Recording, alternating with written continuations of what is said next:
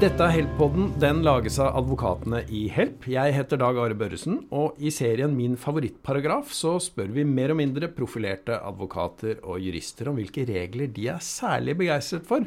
For her er det mye å velge i. Dagens gjest hun har en litt annen innfallsvinkel til jussen enn de fleste av oss, fordi Melissa Alarcon har en bachelor i klarspråk fra Universitetet i Oslo. Og du er også sisteårsstudent på jussen, eh, Melissa. Velkommen til Heltpodden. Takk. Vi skal eh, nærme oss en eh, favorittbestemmelse, men før vi kommer så langt, så kan jeg jo spørre deg litt bredere. Hvorfor ble det juss som, som ble faget ditt? Jeg har alltid vært interessert i juss, og da jeg endelig kom inn på jusstudiet her i Oslo, så satt jeg og eh, funderte litt på hvorfor jusspråket var så vanskelig. Eh, og litt uforståelig. Jeg hadde lyst til å vite litt mer. Så tok jeg en eh, klarspråkutdannelse samtidig som jeg da har studert juss. Mm. Så jeg har en stor interesse for jusspråket, men enda større lidenskap for klart juridisk språk. Mm. Og nå vil vel kanskje en del av de som hører på tenke at uh, det er ikke så veldig mye klarspråk i jussen. Er du enig i det, eller? Jeg er uenig, fordi um, juss er veldig Forsøker å være veldig presist mm. og klart og konkret, men det har noen mangler. Og det er kanskje det at juss er skrevet av jurister for jurister. Mm. Og vi har ikke tenkt så mye på hvem mottakerne våre er når vi skriver eh, bestemmelser og lovverk og forskrifter og paragrafer. Eh, men du, når vi går på jussen, så læres vi jo opp i juridisk metode, og ja. vi hører forelesere som snakker eh, kanskje ganske likt eh, mange av dem, og vi skriver oppgaver og får tilbakemelding på hvordan det skal være. Hvordan eh, hvordan har du blitt møtt når du har forsøkt å bruke din klarspråkfaglige bakgrunn på jussen? jeg, uh, jeg har, det har ikke vært så positivt. Jeg har ikke fått de beste karakterene eller tilbakemeldingene. Og det var spesielt en oppgave jeg husker veldig godt. Jeg skulle prøve å skrive den så klarspråklig som mulig. Mm. Eh, fjerne meg litt fra veldig, veldig harde juridiske begreper, og kanskje finne litt eh, dagligdagse ord. Eh, men da fikk jeg sånn tilbakemelding fra en sensor at eh, slik skriver vi ikke her på Det juridiske fakultet. Oh, så det var veldig interessant. Da skjønte jeg at hvis, hvis, jeg skal uh, komme meg gjennom da, alle innleveringer og eh, obligatoriske krav, så må jeg gå til hvordan vi forholder oss til det juridiske språket på det juridiske fakultetet. Mm. Så du må på en måte lære deg stammespråket for å gjøre det bra, da, med andre ord? Ja, ja. det måtte jeg. Men uh, det fins jo tydeligvis uh, lyspunkter, da. For jeg forstår det sånn at den uh, masteroppgaven du nå sitter og skriver, den handler jo om klarspråk i jussen? Ja, det gjør den. Jeg skal skrive en masteroppgave som har ikke blitt skrevet før her i Norge, som jeg vet om. Uh, det handler om en kartlegging av all klarspråklovgivning i Norge. Så da skal jeg se på alle relevante bestemmelser som kan minne om klarspråklovgivning. Både i privatrett og offentlig rett og EU-rett. Men Da tenker jeg kanskje at det blir en veldig kort oppgave? Nei, det blir faktisk en veldig, veldig lang oppgave. Å, gjør det? Uh, ja. Uh, fordi vi har ekstremt mange paragrafer mm. som eh, snakker om hvordan vi skal kommunisere. Mm. Men jeg tror de færreste vet hvor vi finner dem, og det er derfor jeg skal ja, ta denne kartleggingen. Slik mm. at jeg kan vise Norge at det fins veldig mange relevante klarspråkparagrafer. Vi må bare vite hvor vi skal lete. Mm. Men uh, Melissa, når du sier klarspråk, så tenker jeg at uh, ja, men det er ikke mulig å gjøre jussen så enkel uh, at, at, det blir forståelig for absolutt alle. Men enkelt og klart er kanskje ikke alltid det samme, eller? Jeg er ikke for å forenkle det juridiske språket. Jeg er for å gjøre det forståelig. Mm. Ja, enkelt og klart tror jeg ikke er det samme, nei. Vi må passe oss for at vi ikke forenkler de juridiske setningene.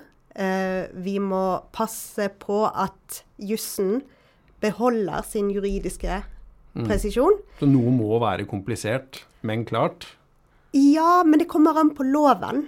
Eh, vi må tenke på hvem er mottakeren av denne loven. Det er mye lettere å skrive en forståelig og tilgjengelig lov hvis denne loven skal brukes av la oss si ungdommer eller barn, enn la oss si en skattelov for skatterettsjurister. Eh, da sier det seg selv at denne loven, mottakeren av denne loven, er ekstremt spesialiserte. Og ja. Mm. Men du, eh, vi må nærme oss det som var eh, oppgaven. Eh, og mm, jeg vet jo hvilken bestemmelse du har valgt. Vi skal til pasient- og brukerrettighetsloven. Eh, Og jeg skal ikke avsløre hvilken bestemmelse du har valgt riktig ennå, men eh, formålet med loven det står jo som regel i eh, første paragraf. Eh, formålet det er å bidra til å sikre befolkningen lik tilgang på tjenester av god kvalitet eh, ved å gi pasienter og brukere rettigheter overfor helse- og omsorgstjenesten. Det er det eh, lovens formål er. Men så til den paragrafen du har valgt. Hvilken er det? Du, det var veldig interessant at du tok opp formålet først. Fordi um, vi skal sikre lik tilgang til helsetjenester. For alle borgere og innbyggere i Norge. Men ingen er like. Så vi må tilpasse informasjonen for å kunne sikre lik tilgang. Eh, og derfor har jeg valgt eh, som favorittparagraf pasient- og brukerrettighetsloven, paragraf 3-5. Mm. Den skal vi dykke ned i, men uh, de som følger med i den politiske debatten nå, de vet jo at uh, det, er, det er ganske høylytte diskusjoner for tiden i hvilken grad vi klarer å oppfylle denne lovens formål ved å gi alle eh, tilgang til de samme gode eh, tjenestene. Eh, men det er i og for seg en helt annen eh, diskusjon. For i den bestemmelsen du har valgt, som handler om informasjonens form.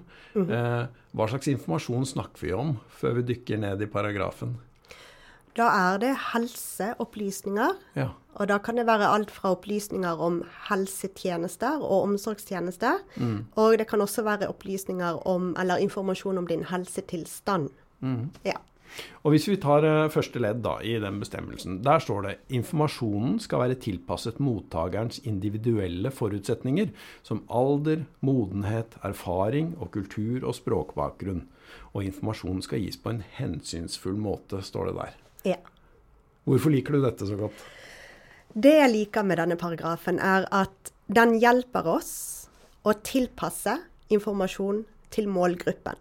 Så språkloven paragraf 9, den sier at alle offentlige organer i Norge skal kommunisere på et klart og korrekt språk tilpasset målgruppen. Og denne loven som vi skal snakke om i dag, den hjelper oss og veileder oss i å se hvem målgruppen er, og hvilke momenter og faktorer vi skal tenke på når vi tilpasser informasjon til da målgruppen. Som f.eks. du nevnte alder, modenhet, erfaring, kulturell eller språklig bakgrunn. Og språklig bakgrunn. Det er, å, det, det er veldig høye ambisjoner. Det er det, men det er også helt riktig å ha så høye ambisjoner. Fordi helseopplysninger, eller informasjon om din helsetilstand, det er ekstremt viktig å være så detaljert og nøye som mulig, slik at du forstår hva du har rett på, og når du har rett til det. Og formålet med denne loven var å sikre lik tilgang, og ved å tilpasse informasjon til la oss si f.eks. et barn, eller en tenåring, eller en eh, person på 67 år, ja, så sikrer vi at informasjonen går ut og blir forstått. Mm. Du, jeg må innrømme at jeg har ikke lest denne bestemmelsen, i hvert fall ikke så nøye før i, i dag. Og eh, jeg ble kanskje litt overrasket over at det står i neste setning at informasjonen skal gis på en hensynsfull måte. Og det syns jeg er kanskje noe av det gøyeste med denne paragrafen. Fordi den handler ikke bare om hvem vi skal gi opplysninger til, og den handler ikke bare om hva vi skal gi opplysninger om, men også hvordan vi skal levere eller presentere opplysningene. Ja, og jeg syns kanskje det er litt overraskende at det må stå i loven. Ja, men det er Altså, er vi i en stresset situasjon, både som helsepersonell eller som pasient og brukere av helsetjenester, mm. så kan det være at vi glemmer litt hvem vi snakker med, og hvordan vi skal kommunisere. Så at den veileder oss til Altså at den loven veileder helsepersonell mm. til å slå fast at du har en plikt til å gjøre dette på den mest omsorgsfulle og hensynsfulle måten som mulig. Mm. Det syns jeg egentlig er eh, et pluss. Et pluss fra ja. Fra lovgivers side. Ja, det er i hvert fall en nyttig påminnelse. Absolutt. Um, skal vi hoppe til neste ledd, for der står det at personellet skal så langt som mulig sikre seg at mottakeren har forstått innholdet og betydningen av informasjonen. Ja, den liker jeg veldig godt også. Andre ledd snakker ikke bare OK, la oss si jeg forteller deg at du har nyresvikt. Mm. Det er ikke nok at jeg bare forteller deg at du har det, men jeg skal også forsikre meg om at du har forstått hvilke konsekvenser eller følger eller hva, hva, som skjer når man har nyresvikt, og hvilke tjenester du har tilgang til. Altså, den går så langt at helsepersonell eller personell har en plikt til å virkelig forsikre seg om at informasjonen er forstått, og betydningen av opplysningene er forstått. Mm. Ja. Det syns jeg er uh, helt fantastisk. Melissa, vi skal gå inn for landing, uh, men til slutt så kan jeg jo spørre deg om uh, altså sånne viktige regler som angår folk flest, som angår deg og meg. er det noen måter vi kunne gjøre dem enda bedre kjent for oss på? Ja. Jeg jeg tror at det må opprettes um, et klarspråkinstitutt her i Norge. Ja. ja. Jeg tror vi må forske mye mer på klart juridisk språk. Så det blir et slags antistammespråkinstitutt som skal ja. passe på, skal passe ja, på eller en forbedring av det juridiske stammespråkinstitutt. Ja. ja. Fordi jeg har stor respekt for det juridiske språket. og det eh, kommer jeg aldri til å slutte å ha. For jeg elsker hvor komplekst det er, og samtidig hvor klart det kan bli. Eh, og hvordan det ivaretar Tenk, det mm. ivaretar Det skal ivareta rettighetene til alle borgere. Og alle innbyggere. Mm. Og alle som setter sin fot innenfor Norges grenser. Et språk som bærer så mye makt og rett. Mm. Det må vi forske litt mer på. Tusen takk for at du eh, kom til Hellpodden, Melissa. Tusen takk, Dag.